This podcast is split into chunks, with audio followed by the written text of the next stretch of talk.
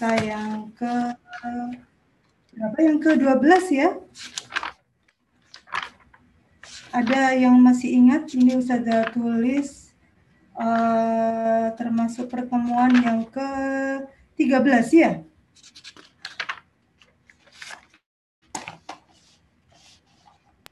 Ya, hari ini pertemuan ke-13. Pertemuan ke-13 atau 12? Hari ini ke-13. Kita ke sudah 12 kali. 13. 13. Ya, teman yang ke-13 yang yang sudah join ada baru 7. Ya, Badrut Tamam, kemudian Muhammad Ghassan, yang ketiga Jihan uh, Muhammad Nur Faizi Faizi uh, Roshan Rausan dan yang keenam Rifan.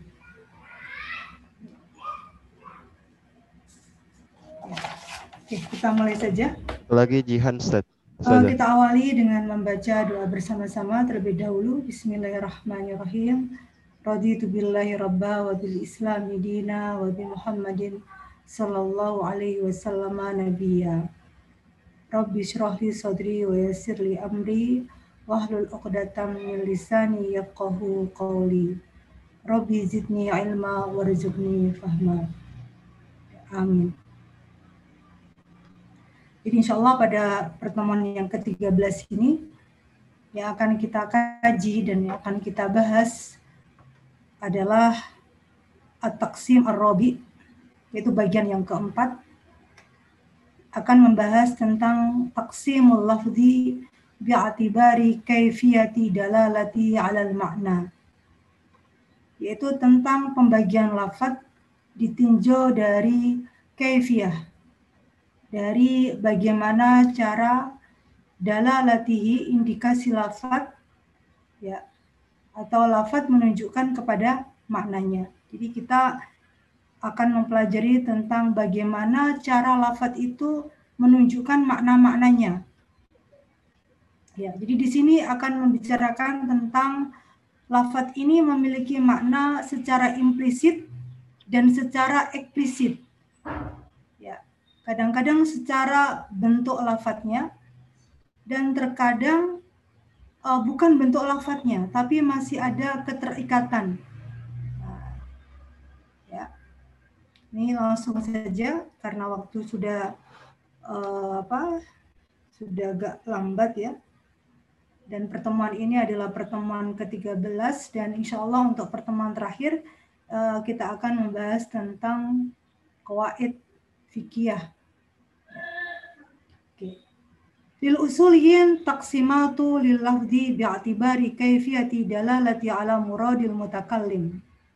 Lil usuliyin yaitu para ahli usul itu telah memiliki taksimat, telah memiliki pembagian pembagian untuk lafat ya.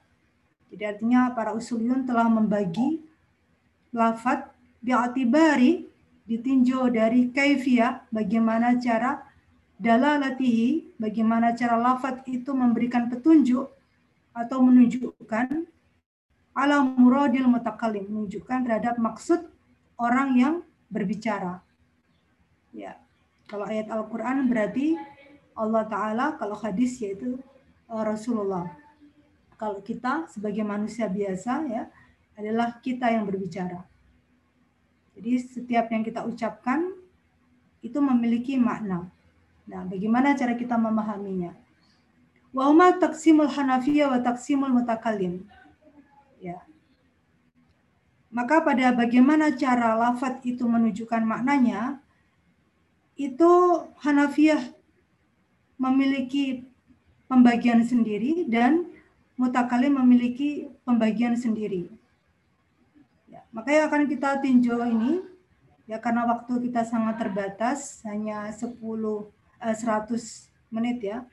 Jadi mungkin yang Ustazah bahas ini adalah Hanafiyah terlebih dahulu. Untuk mutakalim silakan uh, antum membaca di kitabnya sendiri ya. Karena untuk pertemuan terakhir kita akan bahas tentang kawaid fikih. Uh, Taksimul Hanafiyah turukud dalalah, yaitu pembagian Hanafiyah mengenai turuk, yaitu cara atau metode dalalah lafat, indikasi lafat itu terhadap maknanya. Maka yang pertama adalah ibaratun nas, yang kedua adalah isyaratun nas, dan yang ketiga adalah dalalatun nas, dan yang keempat adalah iqtidaun nas. Jadi ada empat cara.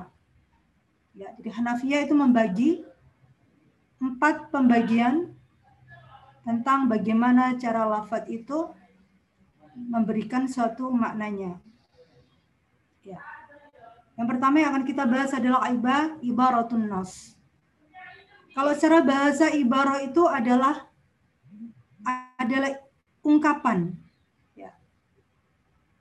ungkapan nas atau ungkapan teksnya nah.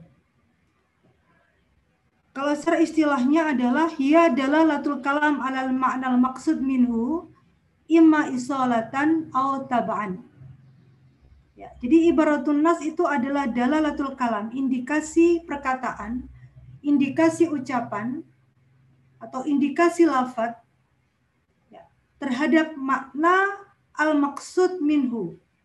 Makna yang dimaksud dari ucapan tersebut. Ya. Jadi kalam itu menunjukkan terhadap makna yang diinginkan atau yang dimaksud. Imma asolah atau taban. Ya. Baik yang dimaksud itu adalah asolah yaitu pada aslinya asli maksudnya atau tabaan atau yang bukan maksudnya. Ya, jadi makna itu kadang-kadang ada yang memang maknanya itu yang diinginkan oleh mutakalim, ada yang bukan diinginkan.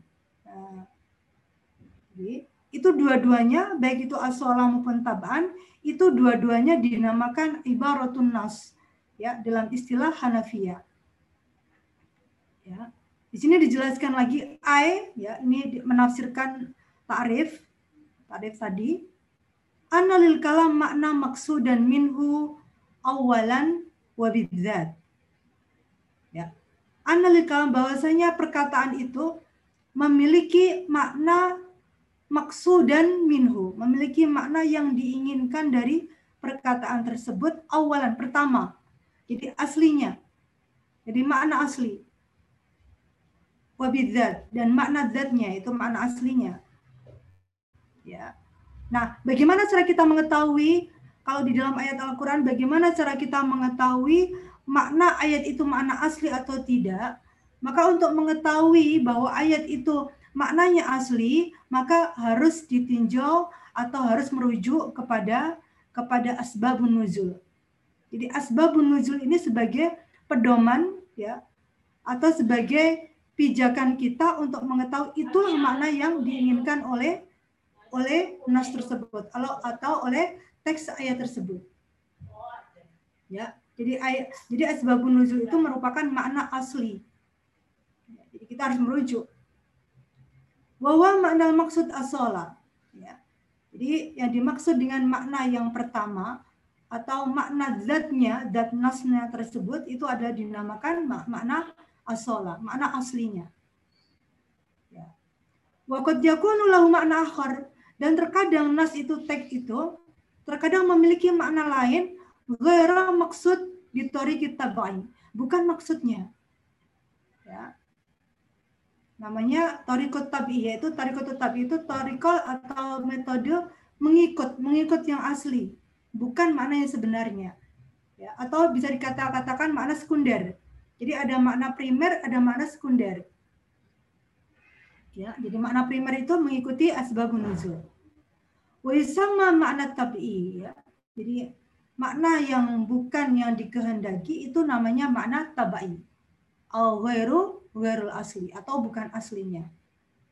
Wa takunu dalalatul kalam alaihi ma bi ibaratin nas. Wa takunu maka dalalah kalam ya indikasi perkataan yang menunjukkan kepada keduanya Humay di sini kembali kepada makna asola dan makna tabi itu semuanya dinamakan ibaratun nas ya ibaratin nas atau ungkapan nas.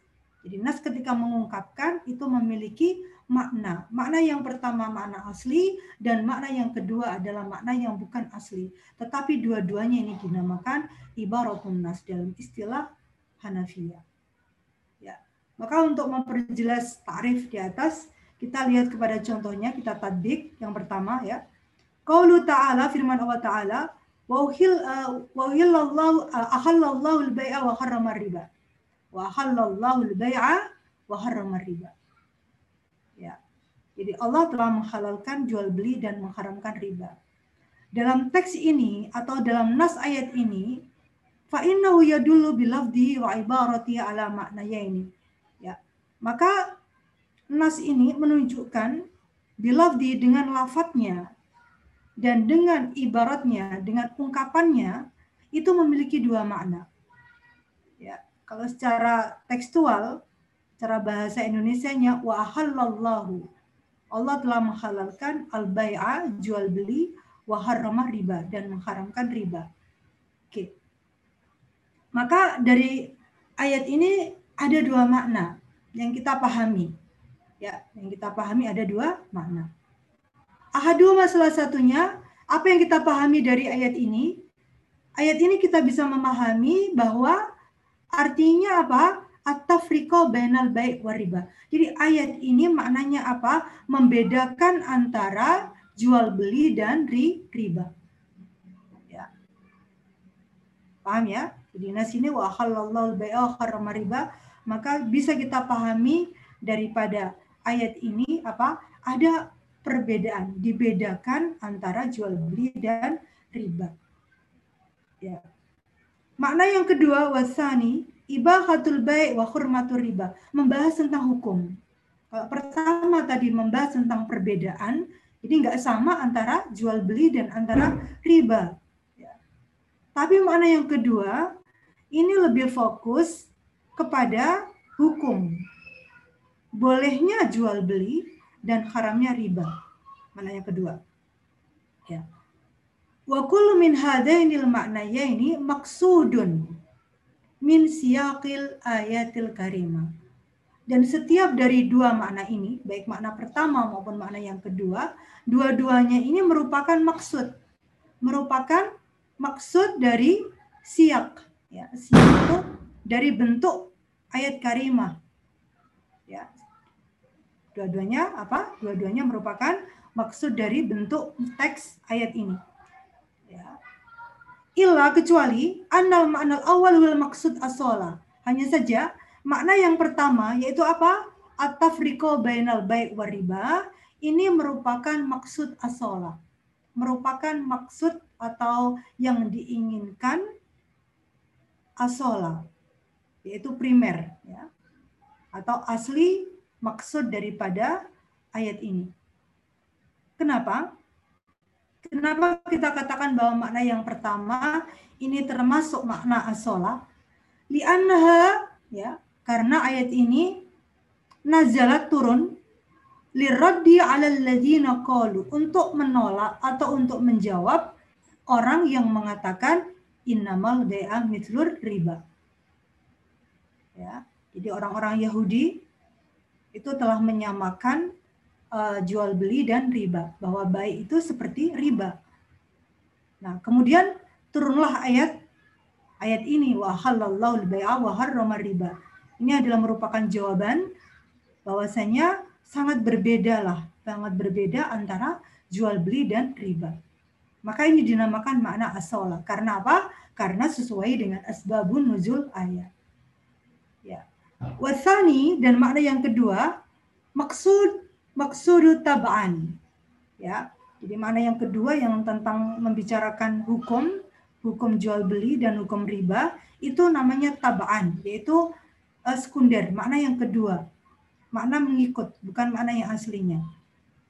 Ya.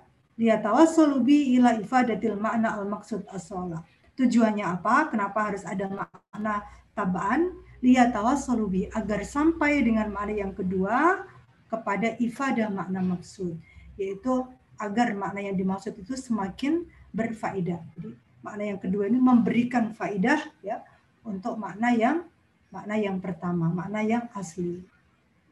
Ya, bisa dipahami ya. Nah, dua-duanya ini ya, makna yang pertama dan makna yang kedua ini dinamakan ibaratun nas. Ya.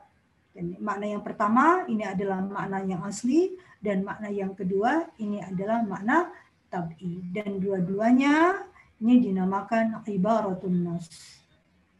Ya. Oke. Jadi dipahami ya, karena bisa dipahami dari takbir nas atau dari ungkapan teks tadi. Contoh yang kedua, ya untuk memperjelas, qaulu ta'ala fankihu ma balakum minan nisa'i matna wa thulatha wa ruba. Ya. Fa innahu maka firman Allah tadi dalla telah menunjukkanlah bila di secara lafadznya secara lafadznya wa ibarati dan secara ungkapannya alam maknanya ini menunjukkan apa? Dua ma, dua makna. Ya. Ahaduhuma makna yang pertama salah satu dari maknanya apa? Ibahatu zawaj. Fankihu ma balakum. Ya. Ini menunjukkan apa? Hukum kebolehan menikah. Jadi kalau menikah dalilnya apa? Kenapa Allah membolehkan uh, nikah? Maka Dalilnya adalah fankihu ma balakum minan nisa. Ini mana? Wasani adapun makna yang kedua, ya, makna yang kedua, kosru ada di zaujat ala arba'in. Kosrun membatasi jumlah istri ya hanya empat. Nah, ini pembatasan. Ya, ada makna yang pertama adalah adalah tentang hukum bolehnya menikah. Kemudian makna yang kedua adalah pembatasan jumlah istri. Ya, maksimal empat. Wa kullal maknayaini siaqatil ayah ifadatihi. Dan setiap dari dua makna ini itu merupakan siap siap yaitu bentuk ya. Siap itu bisa diartikan bentuk ya atau bisa diartikan maksud ya, ayat li ifadatihi. Agar ayat itu bisa kita ambil faidah. Oh, faidah daripada ayat ini apa? Oh, faidahnya memberikan dua makna. Makna yang pertama adalah ibahatul zawat, makna yang kedua adalah qasru ada di zawjah. Nah, dari dua makna ini mana makna yang asli dan makna dan mana makna yang tabai? Ya. Ila annal awal maksud tabaan. Jadi um, uh, makna yang pertama itu adalah taban, ya, sekunder. Jadi ibahatuz zawat itu adalah makna taban. Wasani yaitu qasru ada di zaujat ala arba'in ini adalah makna asola, makna asli. Makna primer. Karena sesuai dengan apa dengan asbab nuzul ayat. Kita lihat ya. Di anal ayat di anal ayat nuzilat karena ayat ini yaitu fangkihu ma balakum minan nisa masna wa thulatha wa ruba itu nuzila diturunkan fi sya'nil ausia fi sya'ni ya. Pada perkara ausia. Ausia itu adalah orang-orang yang yang diberikan wasiat. Ya orang-orang yang mendapat wasiat. Alladzina yataharrajuna minal wasaya alal yatama. Ya, yang mana orang-orang yang diberikan wasiat ini ya taharrujuna, mereka kesusahan. Kesusahan ya untuk menerima wasiat wasiat untuk orang-orang yang atau untuk anak-anak yang yang yatim ya yang telah ditinggal meninggal uh, bapaknya ya jadi ini para wali-wali yang diberikan wasiat untuk menjaga menjaga uh, anak-anak uh, yatim. Mereka mereka ini khawatir, ya susah. Khaufan min dulmihim. Kenapa mereka susah atau berat menerima wasiat ini? Khaufan disebabkan karena takut min dulmihim, mendolimi para yatim tadi. Wal fi akli amwalihim. Ya, dan takut terjatuh terjatuh apa dalam memakan harta harta harta anak yatim. Jadi mereka takut. ma'annahum kanu la yataharrajuna min tarkil adli baina zawjat. Namun mereka ya, la yataharraju tidak merasa berat min tarkil adli tidak merasa berat apa meninggalkan adil. Tapi kalau meninggalkan keadilan mereka nggak berat. Tapi kalau diberikan uh, wasiat untuk mengolah anak yatim, itu mereka berat, tapi kalau tidak berbuat adil itu tidak berat. Baina zaujan. Nah, di sini ini. Haitsu kana al-wahid minhum yajma'u fi asmati ma sya'a minhu min ghairi khasri. Di mana salah satu daripada mereka ya laki-laki ya yang diberi wasiat ini ia cuma mengumpulkan via osmati, mengumpulkan dalam kekuasaannya, masya minum min. Ya. Mengumpulkan dalam kekuasaannya siapa saja di antara mereka yang laki-laki itu kehendaki tanpa ada batasan. Jadi kalau menikahi wanita-wanita wanita-wanita yang yatim, itu mereka mau-mau saja. Dan dia tidak khawatir untuk untuk adil atau tidak. Jadi mereka tidak memperdulikan keadilan apakah apakah dia adil memperlakukan istri-istri mereka antara yang yang yatim dan yang tidak. Itu mereka nggak memikirkan. Tapi kalau hanya merawat dan mengolah harta anak yatim mereka berat. Tapi kalau menikahi itu mereka tidak berat. Ya. Jadi terkadang mereka apa? Mereka tidak memperlakukan adil antara antara wanita yatim dan wanita yang tidak yatim. Ya. Apalagi kalau wanita yang yatim tadi atau istri yang akan dinikahi itu yatim, itu banyak hartanya, itu kadang-kadang si suami itu tidak memberikan tidak memberikan mahar yang adil ya sama dengan wanita yang tidak yatim. Ah mereka mentang-mentang yatim jadi mereka seenaknya. Ya wala ya'dilu bainahum. Sehingga mereka tidak berlaku adil di antara istri-istri mereka. Ya. Nah ini dikhawatirkan.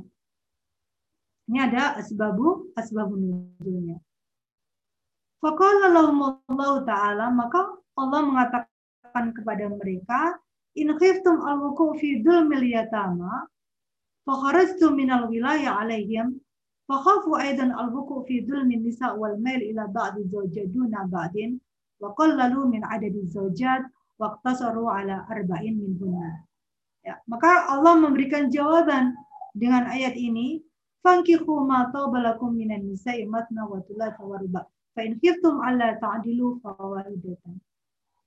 Ya, maka in khiftum jika kamu itu takut al jatuh kepada fidul milyatama pada kedoliman anak ya anak yatim ya jadi memakan harta anak yatim mentang-mentang tidak ada bapaknya sehingga seenaknya saja menggunakan harta harta anak yatim. Ya. Fataharraju minal wilayah alaihim kamu susah menjadi wali bagi mereka. Fakhafu aidan al-buku fi nisa dan mereka juga takut terjatuh kepada kedoliman an-nisa ya. Jadi kalau uh, yatim dikatakan yatim itu kan ketika belum balik ya. Nah, dia yatim kemudian mungkin sudah balik dan dinikahi, tetapi mereka takut tidak berbuat adil di antara istri-istri mereka.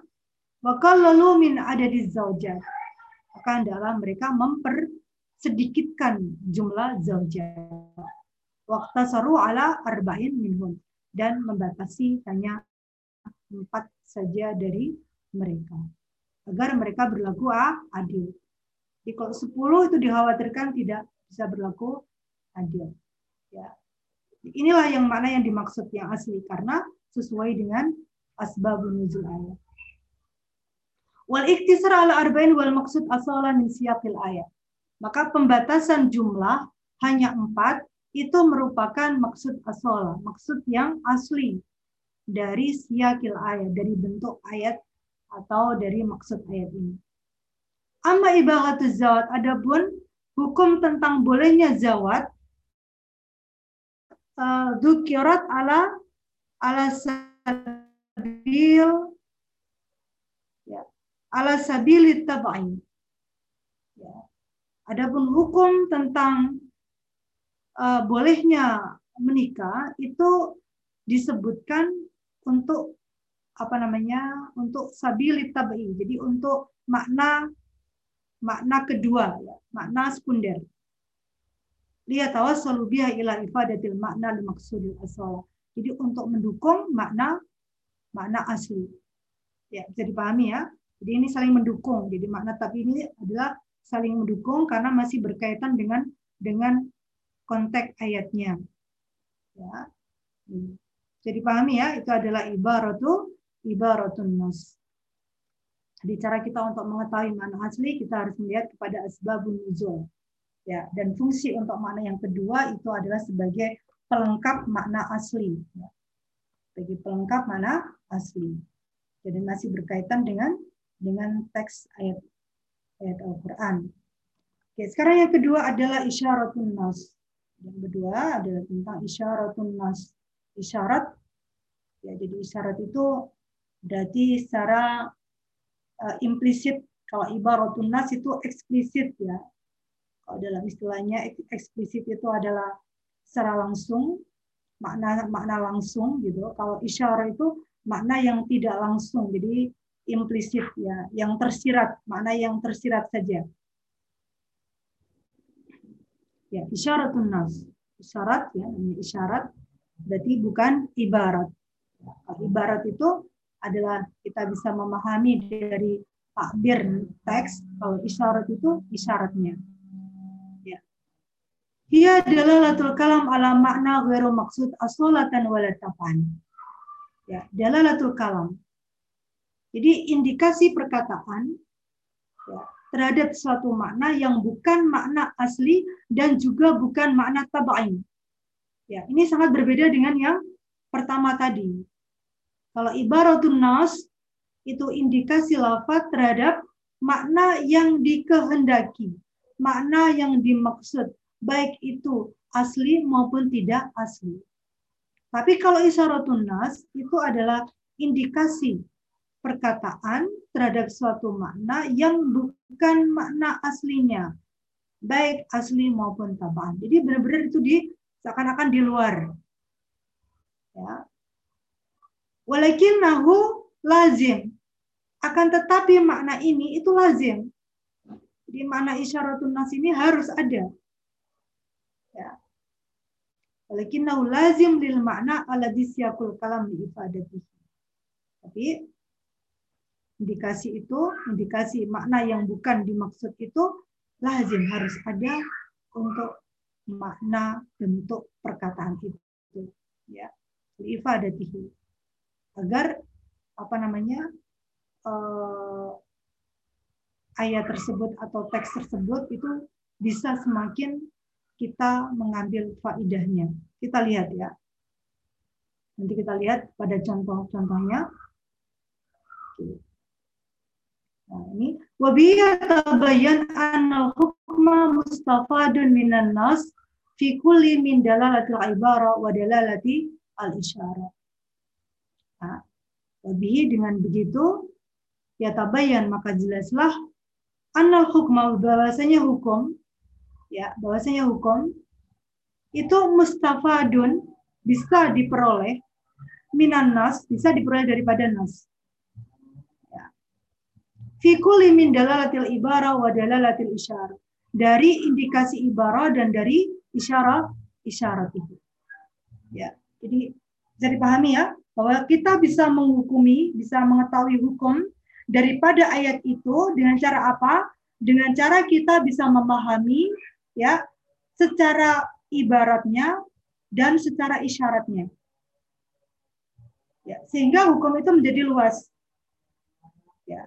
Kalau hukum itu hanya kita mengambil dari makna asli saja, wah, berapa banyak masalah-masalah yang tidak bisa ter pecahkan kalau kita hanya terbatas kepada makna asli saja. Maka di sini ada makna asli, ada makna yang bukan asli, ada makna yang tidak di kehendaki sebenarnya tetapi lazim. Sehingga hukum dari ayat satu ya kita bisa memperoleh banyak hukum.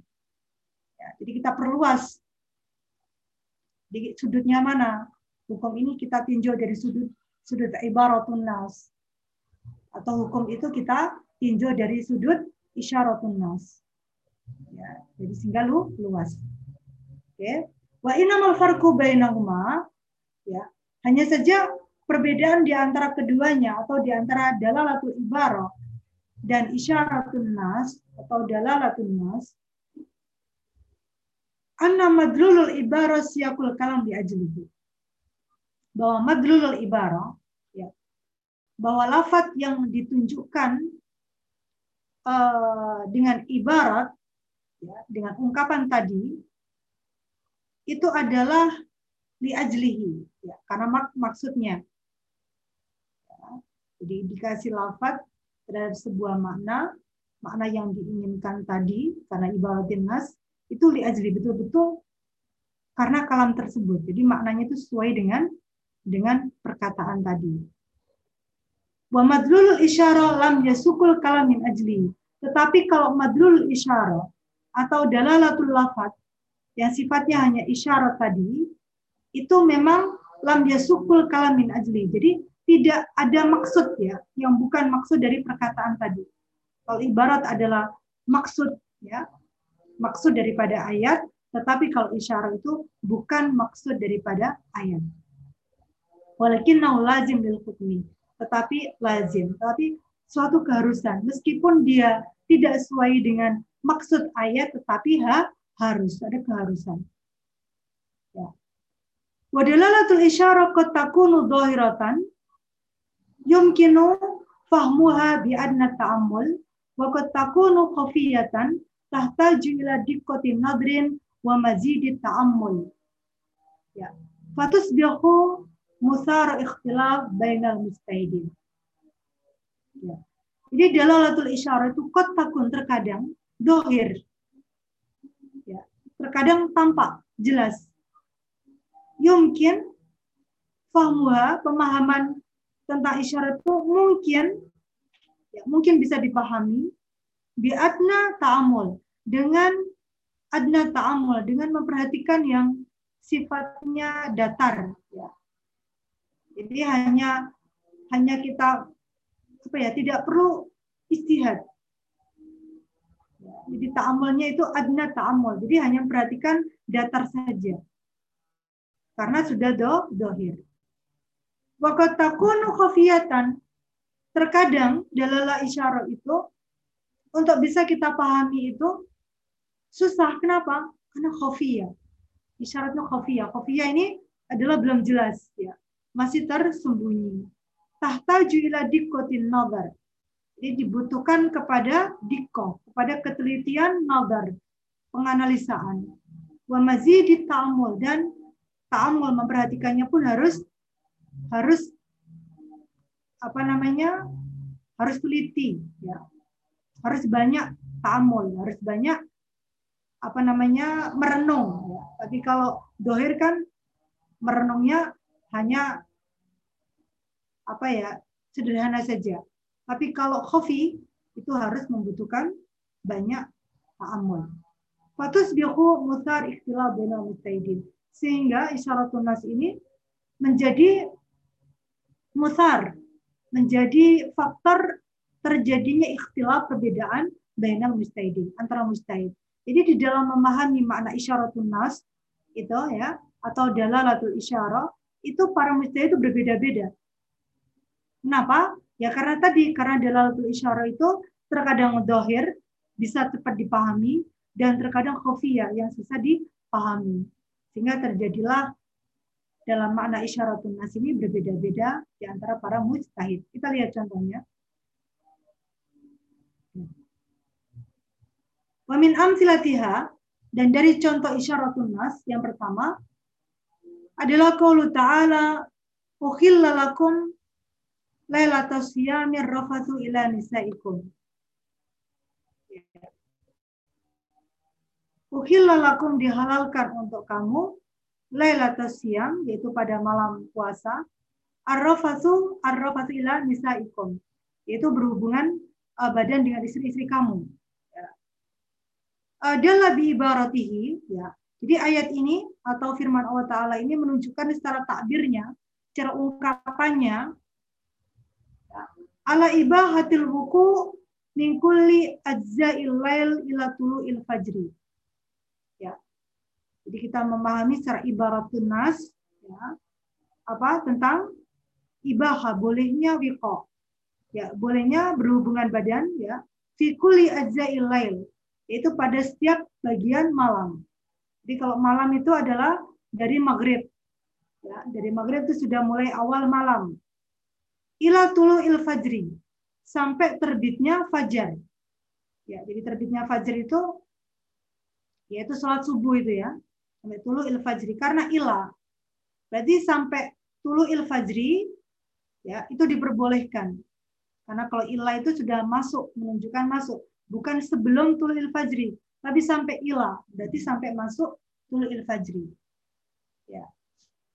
Oke ini secara isya secara ibaratin nas pahami dari dari teksnya ini ya atau dari maksud ayat ini menunjukkan hukum kebolehan ya hubungan suami istri di setiap bagian-bagian malam ya sampai terbitnya fajar. Beribaratnya. Wa yufhamu minhu isyara, maka dipahami dari firman Allah tadi bitorikil isyara dengan metode atau dengan cara isyaratun nas, makna isyaratun nas, isyarat atau secara implisit daripada ayat ini dipahami apa?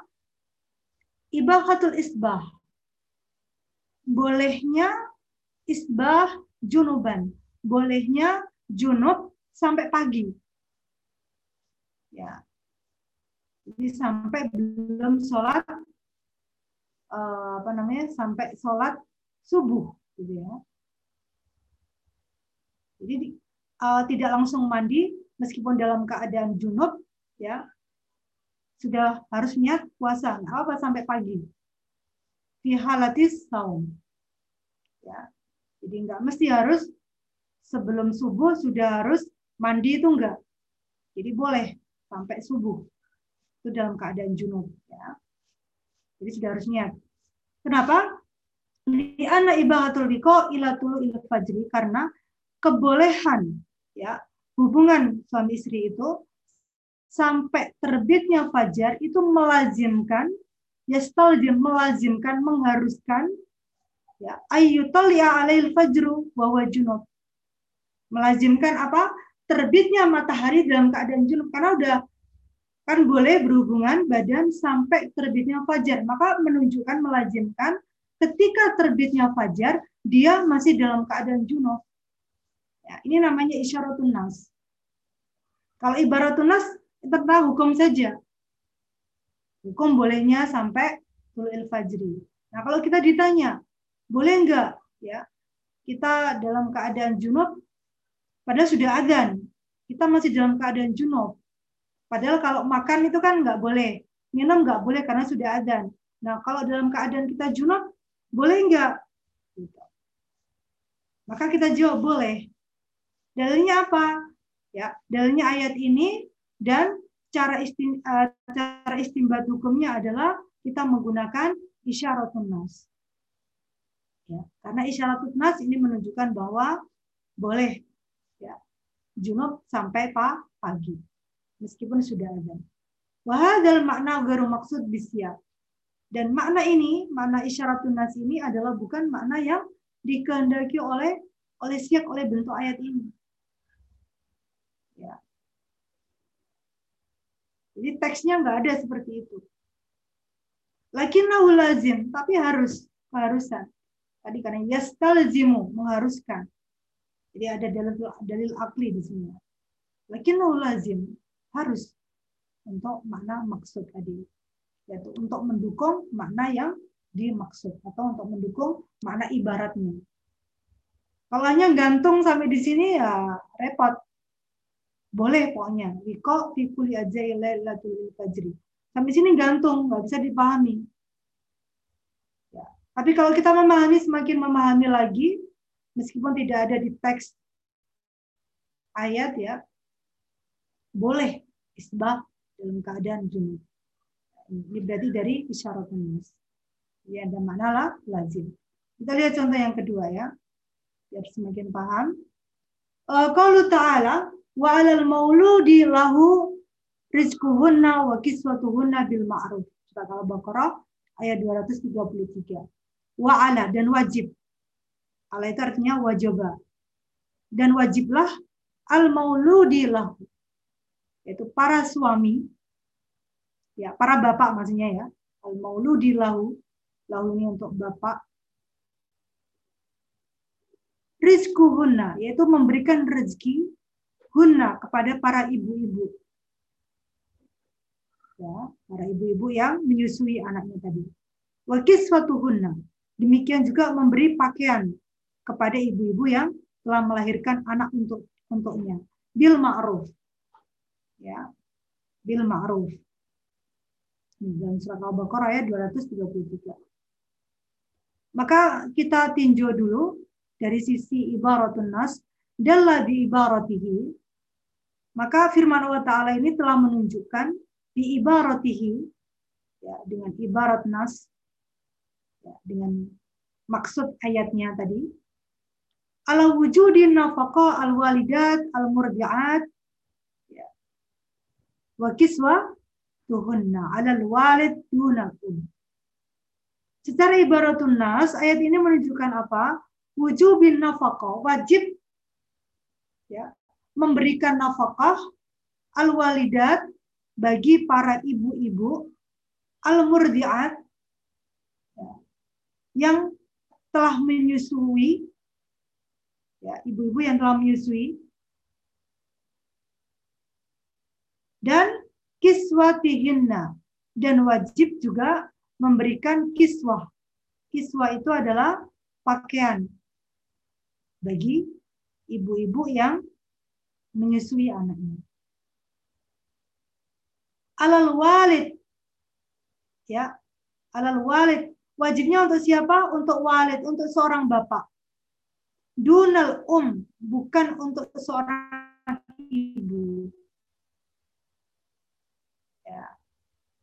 Ini adalah makna ibaratnya. Walal mauludi lau wa kiswatuhunna bil ma'ruf. Ini jelas ya, dohir. Kita bisa memahami ayat ini secara ibaratnya bahwa ayat ini mewajibkan nafkah bagi seorang bapak. Ya, untuk memberikan nafkah kepada ibu yang telah melahirkan anaknya, yang telah menyusui anaknya, dan juga harus memberikan pakaian kepada mereka. Ini adalah ayat as, makna aslinya, ya, atau makna ibarat ibaratun Ya. Kalau kita hanya berpegang kepada ibarat tunas ya cukup cuma itu doang. Ya, tapi kita perlebar dengan mana isyarat tunas. Bagaimana isyarat tunas? Wa yulzam minhu annal walid. Nah, ini. Wa yulzam. Yulzam di sini berarti uh, ada makna isyarat tunas. Ya. Dan firman Allah Ta'ala ini melazimkan minhu ya, annal walid bahwasanya seorang bapak itu la yusyariku ahadun fil infaq ala auladihi. La yusyariku ahadun. Tidak ada seorang pun ya yang yusyariku yang bareng-bareng menafkahi anak-anaknya. Jadi kewajiban ini hanya dibebankan kepada siapa? kepada Bapak. Ini adalah makna apa? Makna isyarat. Ya, dari isyarat ayat ini apa? Bahwa seorang bapak itu ya sendirian yang memiliki kewajiban untuk menafkahi anak-anaknya. Gak ada satupun yang yusyariku. Kenapa? li'annahu la yusyariku ahadun fin nasab ilaihi. Kenapa kok bapak itu wajib? Li'annahu la yusyariku ahadun fin nasab ilaihi. Karena tidak ada satu orang pun yang membersamainya bareng-bareng dengannya dalam dalam nasab. Paham ya? Jadi artinya apa? Memberikan nasab kepada anak, jadi anak itu dinasabkan kepada bapak, itu pun itu pun harus ke bapak, nggak boleh ada orang lain yang yang ikut menasabkan namanya ke anak tersebut. Ya. Bisa dipahami ya, jadi seorang anak yang lahir itu nasabnya hanya untuk bapaknya. Tidak boleh dinasabkan kepada kakeknya atau kepada pamannya atau kepada orang lain atau kepada orang yang mentabani atau yang uh, mengadopsi itu nggak boleh. Ya. Maka karena nasab itu hanya diberikan kepada bapaknya, berarti bapaknya lah juga yang wajib untuk menafkah menafkahinya. Itu udah lazim. Ya.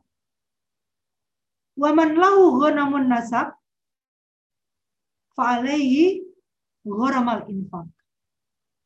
Ini logikanya.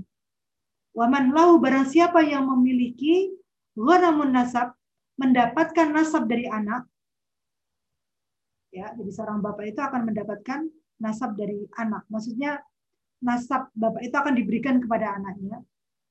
Fa'alai gharamal infak, maka wajib bagi dia untuk gharamal infak, memberikan infak kepada kepada anak.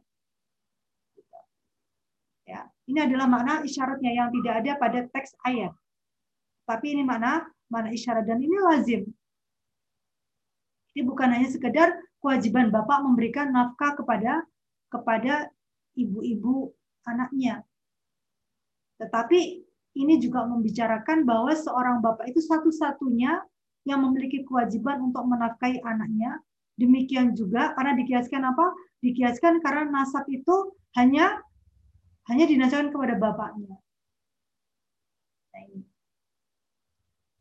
Kemudian ada isyarat lagi wa yulzam minhu dan dilazimkan diharuskan pula dari dari nas tadi analil ab wilayah tamallukun nafsul walad wama wa malihi.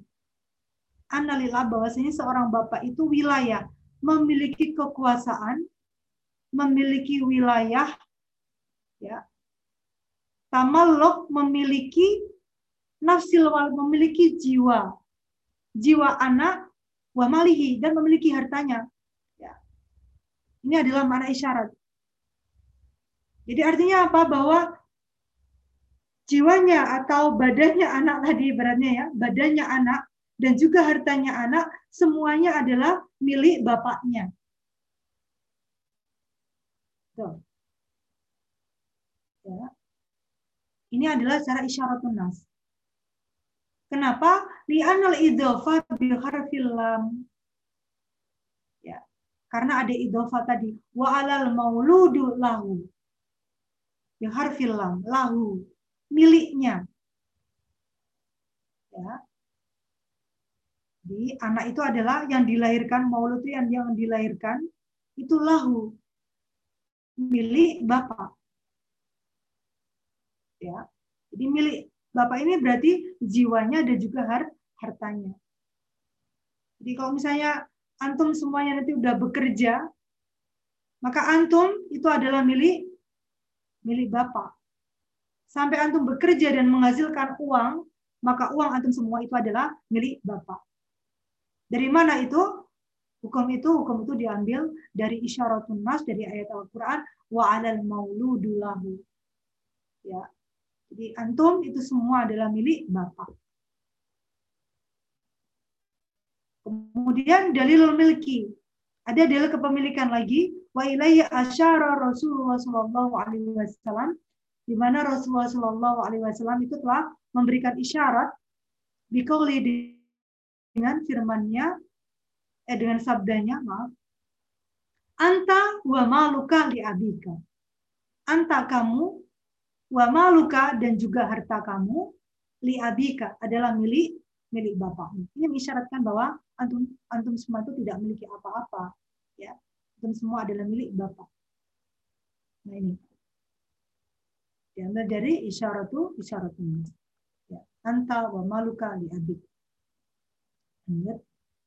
Wa yulzamu minhu aidan dan dilazimkan diharuskan dari firman Allah taala juga apa? Adamu jawazi isti'jaril ummi alal irda'i fi halati qiyami zawjiyah. Ya, yulzam minhu menunjukkan dalalah isyarah ada mujawazi istijaril um. Nggak boleh.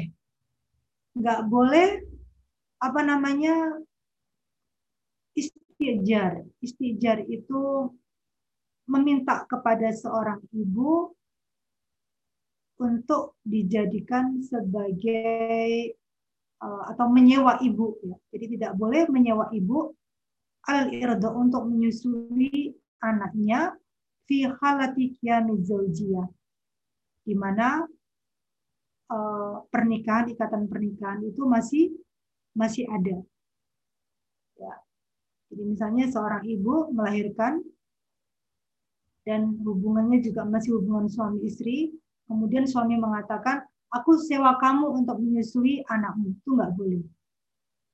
Ya, ini secara secara isyarat, nggak boleh uh, meminta sewa ya, kepada seorang ibu untuk menyusui anaknya padahal pernikahan masih terjalin. Kenapa? Li'annahu ta'ala ja'ala nafaqala alaihi bi'atibari amal rada biqauli ta'ala wal walidatu yurdi'na auladahunna haulaini kamilaini. Ya, dipaham ya. Li'annahu ta'ala karena Allah ta'ala itu jalan nafkah telah menjadikan nafkah laha hak seorang ibu alaihi kewajiban seorang bapak. Bi'tibari amal irda ya ditinjau dari dari perbuatan seorang ibu mau menyusui anaknya. Jadi saya ulangi lagi bahwa Allah itu telah menetapkan hak hak seorang ibu mendapatkan nafkah dari suaminya karena dia telah menyusui anaknya. Ya. Jadi nggak perlu nggak perlu istijar. Ya. Tetapi apa secara otomatis ya secara otomatis bahwa seorang ibu itu meskipun akadnya itu bukan akad sewa menyewa untuk menyusui, tetapi otomatis dia sudah memiliki hak untuk mendapatkan nafkah dari dari suaminya. Ya. Bikoli ta'ala, karena firman Allah ta'ala, wal walidatu yurdina auladahunna haulaini kamilaini. Bahwa wajib bagi seorang para ibu, ya, wajib bagi para ibu yurdina untuk menyusui auladahunna anak-anak mereka haulaini kamilaini dua tahun secara sempur sempurna. Ini udah merupakan uh, kewajiban ya, kewajiban seorang ibu. Ya, jadi nggak perlu dengan akad sewa. Kalau yustaujibu badla ini bi'atibari amal wahidin. Ya, Oke, bisa dipahami ya. Sekarang ini ta'arud. Gimana jika terjadi ta'arud, pertentangan, atau kontradiksi antara dalalatul ibara wa dalalatul isyara.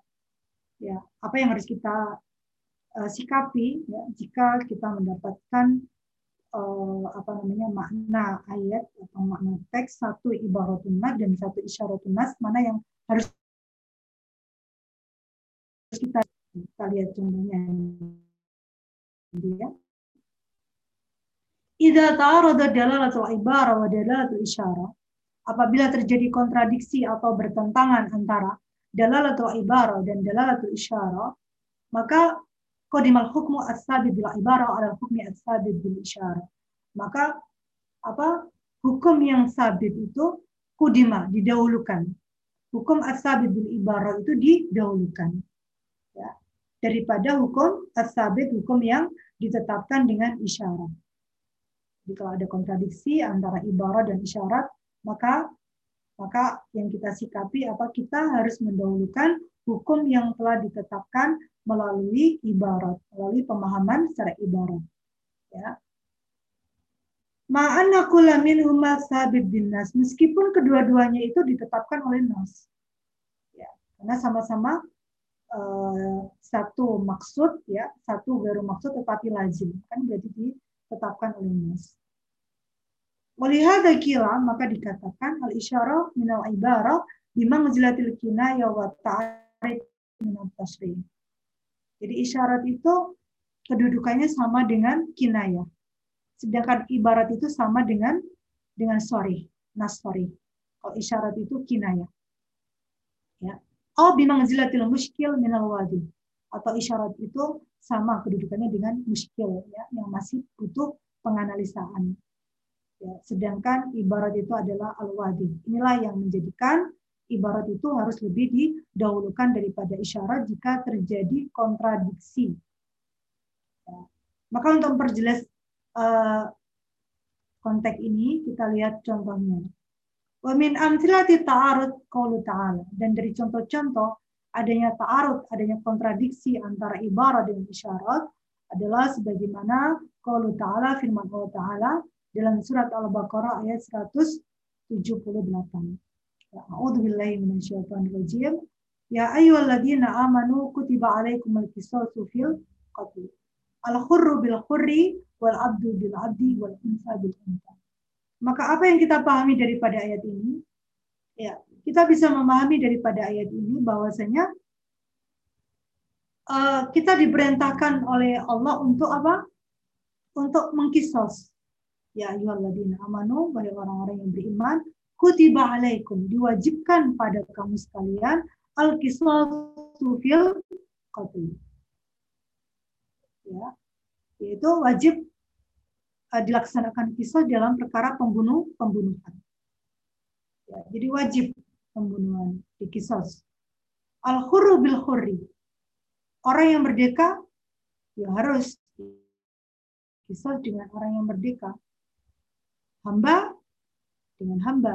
Kalau hamba membunuh hamba, ya kisah. Wal unsa bil unsa. Ya, itu secara teksnya atau secara ibaratin nas. Ya.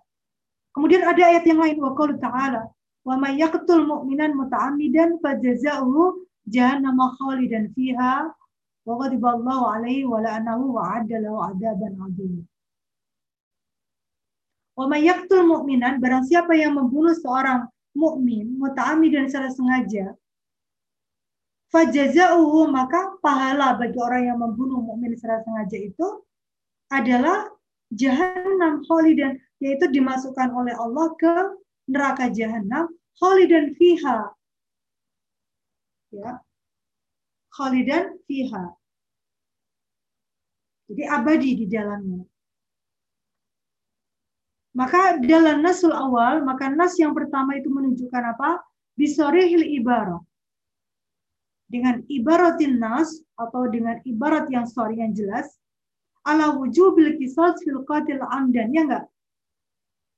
Al khurru bil khurri kan ya ayyuhalladzina amanu kutiba alaikumul qisas. Berarti wajib dilaksanakan kisos. Itu cara ibaratun nas. Wadalah nasustani bil isyarah, tetapi nas uh, dalil apa namanya firman Allah Taala yang kedua ini itu menunjukkan secara isyaratnya tidak ada kisahnya enggak? Wa mayaktul mu'minan muta'amidan fajazahu jahannam.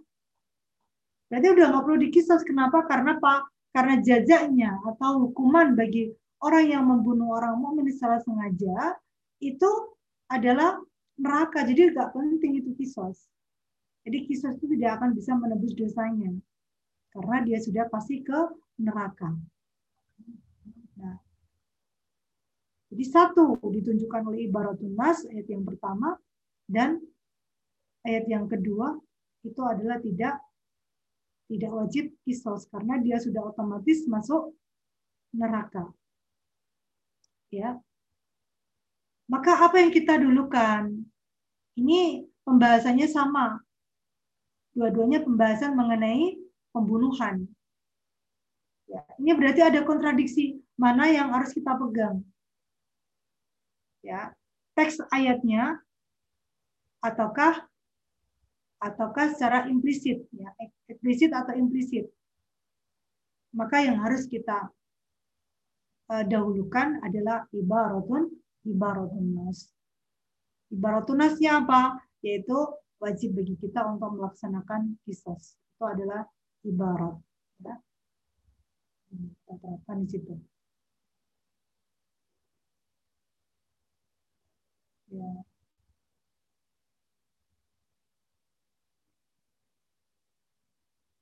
Itu contohnya ya. Sekarang adalah adalah eh, latunas yang ketiga biar kita segera selesai. Itu contoh yang kedua bisa antum nanti baca sendiri. Sekarang adalah latunas. Ya, dalalatun nas. Apa sih arti dalalatun nas? Ia adalah latul lafzi ala subutil hukmi al mantuq bihi lil maskut anhu. Jadi kalau dalalatun nas itu kita bisa kalau jumhur ya jumhur itu istilahnya adalah mafhum mafhum muwafaqah dan mafhum mukhalafah. Itu jumhur. Kalau Hanafiyah itu mengatakan dalalatun nas. Ya. Mungkin antum semua sudah paham ya tentang apa mafhum muwafaqah dan mafhum mukhalafah. Ya. Kita lihat di sini biar agak paham.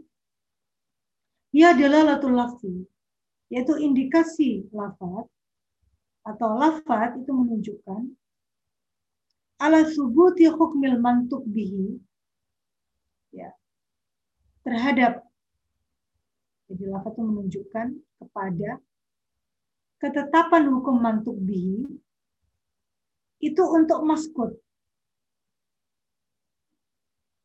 Jadi lafaz yang menunjukkan hukum yang mantuk itu ternyata menunjukkan kepada maskut yang didiamkan. Paham ya? Jadi lafat yang menunjukkan kepada hukum yang mantuk yang diucapkan itu memiliki hukum untuk yang maskut juga otomatis. Ya, jadi hukum mantuk itu memiliki indikasi makna untuk hukum maskut. Gitu. Ya, kita lihat listiroki ma fi ilatul Kenapa? Ya. Kenapa ditetapkannya hukum mantuk? Ya, itu menunjukkan kepada hukum maskut. Liisyirogima, karena ada kesamaan di antara mantuk dengan maskut fi illatil hukmi terhadap ilah hukum. Jadi hukumnya sama antara mantuk dengan maskut. Ya. Sehingga yang maskut itu kita bisa menghukumi dikarenakan ada hukuman mantuk. Allati yumkin fahmuha antarikil lughah. Yang kita bisa memahami ilah hukum itu dengan cara lughah, secara bahasa saja. Min ghairi hajatin ilal ijtihad syar'i. Tanpa membutuhkan kepada ijtihad syar'i. Ya, cukup kita memahami secara bahasanya. Gak perlu detail-detail, gak perlu dengan ijtihad. Wadhalika sawa'un akan maskut anu musawiyan lil mansud alaihi litasawi fil illa am aula bil hukmi minhu likuwatil illa fihi wasumiyat bidalalatin nas. Ya. Baik yang maskut itu musawiyan yaitu sama selevel dengan al mansus alaihi atau dengan yang yang mansus atau yang mantuk yang terucap. Mantuk itu yang terucap hukum yang terucap atau yang yang tertera atau yang tersebut. Ya. litasawi fil ilah karena ilahnya sama. Am ataukah al maskut itu aula? Aula itu lebih lebih syadid ya. Lebih kuat hukumnya daripada yang mansus atau mantuk likuwatil illa Ya, karena ilahnya lebih kuat di dalam maskut. Maka itu dinamakan dalalatun nas. Kenapa dikatakan dalalatun nas? Di anal hukum asabid dia la yufham minal labdi. Ya, karena hukum yang telah ditetapkan dengan dalalatun nas ini la yufham min labdi tidak dipahami dari lafaz. Kama fi ibaratin nas atau isyaratin nas. Sebagaimana ibaratun nas dan isyaratun nas. Jadi kalau ibaratun nas dan isyaratun nas itu lafadznya bisa dipahami dari uh, maknanya itu bisa dipahami dari lafaz. Tetapi kalau dalalatun nas itu tidak bisa dipahami hanya sekedar dari lafaz, tetapi dipahami dari ilahnya. Ya. Maka di sini wa inna yufamu ya akan tetapi dalalatun nas itu dipahami dari cara apa? Cara ilahnya. Bukan dari nasnya, tapi dari ilahnya. Oke, maka kita biar lebih paham ya, kita lanjut saja langsung ke contohnya. Contoh, contoh yang pertama. Ya, tadi kita sudah bahas bahwa dalalatun nas itu ada dua. Maskut itu sama dengan mantuk, yang didiamkan sama dengan yang mantuk atau yang terucap. Ataukah maskut itu lebih aula, ya, lebih tinggi kedudukannya karena lebih syadid dia daripada yang mantuk. Contoh yang pertama adalah yang aula. Jadi maskut itu lebih aula. Wala takul lahuma ufin. Ya. Dan janganlah kamu mengucapkan lahuma kepada kedua orang tuamu uf. Ya, kalimat uf saja di, dilarang. Ya. Jadi secara mantuk, secara mansus itu tag ini hanya mengucapkan apa hanya hukum haramnya mengucapkan uh ah uh itu ada haram itu mantuknya hanya uh saja ya maka dalam bi ibarati maka firman Allah taala ini menunjukkan dengan ibaratnya sorry secara jelas ala tahrimit ta'fif yaitu ke keharaman mengucapkan uf kepada kedua orang tua Ya. Kemudian diteliti apa sih ilahnya? Kenapa Allah mengharamkan takfir? Lama fi minal ada. Ilahnya karena ada, karena menyakiti hati orang tua. Ya, jadi ilahnya karena menyakiti, menyakiti, maka diharamkan. Hmm. Ini secara ibaratnya. Wa yadullu min tariqi dalalatin nas dan ayat ini menunjukkan secara dalalatun nas dalalatun nas ini kalau tadi ibaratun nas sekarang dalalatun nas ala tahrimi darbi wa syatam wa habsi wa man'i ta'am wa nahwihi.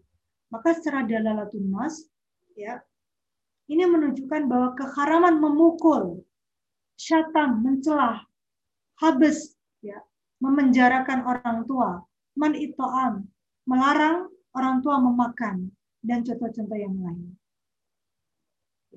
Di sini kita bisa memahami ada secara mantuk, secara mantuk hanya ufin saja yang diharamkan.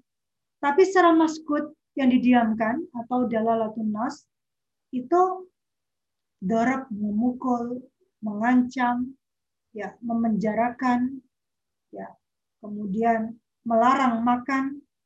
Ini adalah ilahnya semakin asyaddu ida minat sakit hati orang tua bukan hanya sakit hati ya, bahkan sakit fisik pun luar biasa. Jadi asyaddu ida. Lebih sakit daripada tak. Nah, Maka fayakunul hukmu fil maskut anhu awla min subuti lil mansus alaihi. Maka hukum ya hukum yang terdapat pada maskut yang didiamkan itu aula lebih prioritas lebih utama hukumnya min subuti lil mansub daripada hukum yang ditetapkan dengan mansub atau dengan man mantuk atau yang madkur yang tersebut di dalam teks ayatnya. Jadi yang maskut lebih aula, lebih prioritas, lebih syadid, ya, lebih kuat Kenapa? Li'annal ilah aqwami fil awal minat Karena ilah, ya, ilahnya itu adalah lebih akwa, lebih kuat fil awal minat tsani. Nah, fayakun hukum sabit bil awlawiyya li kuwatil ilah fil masbut.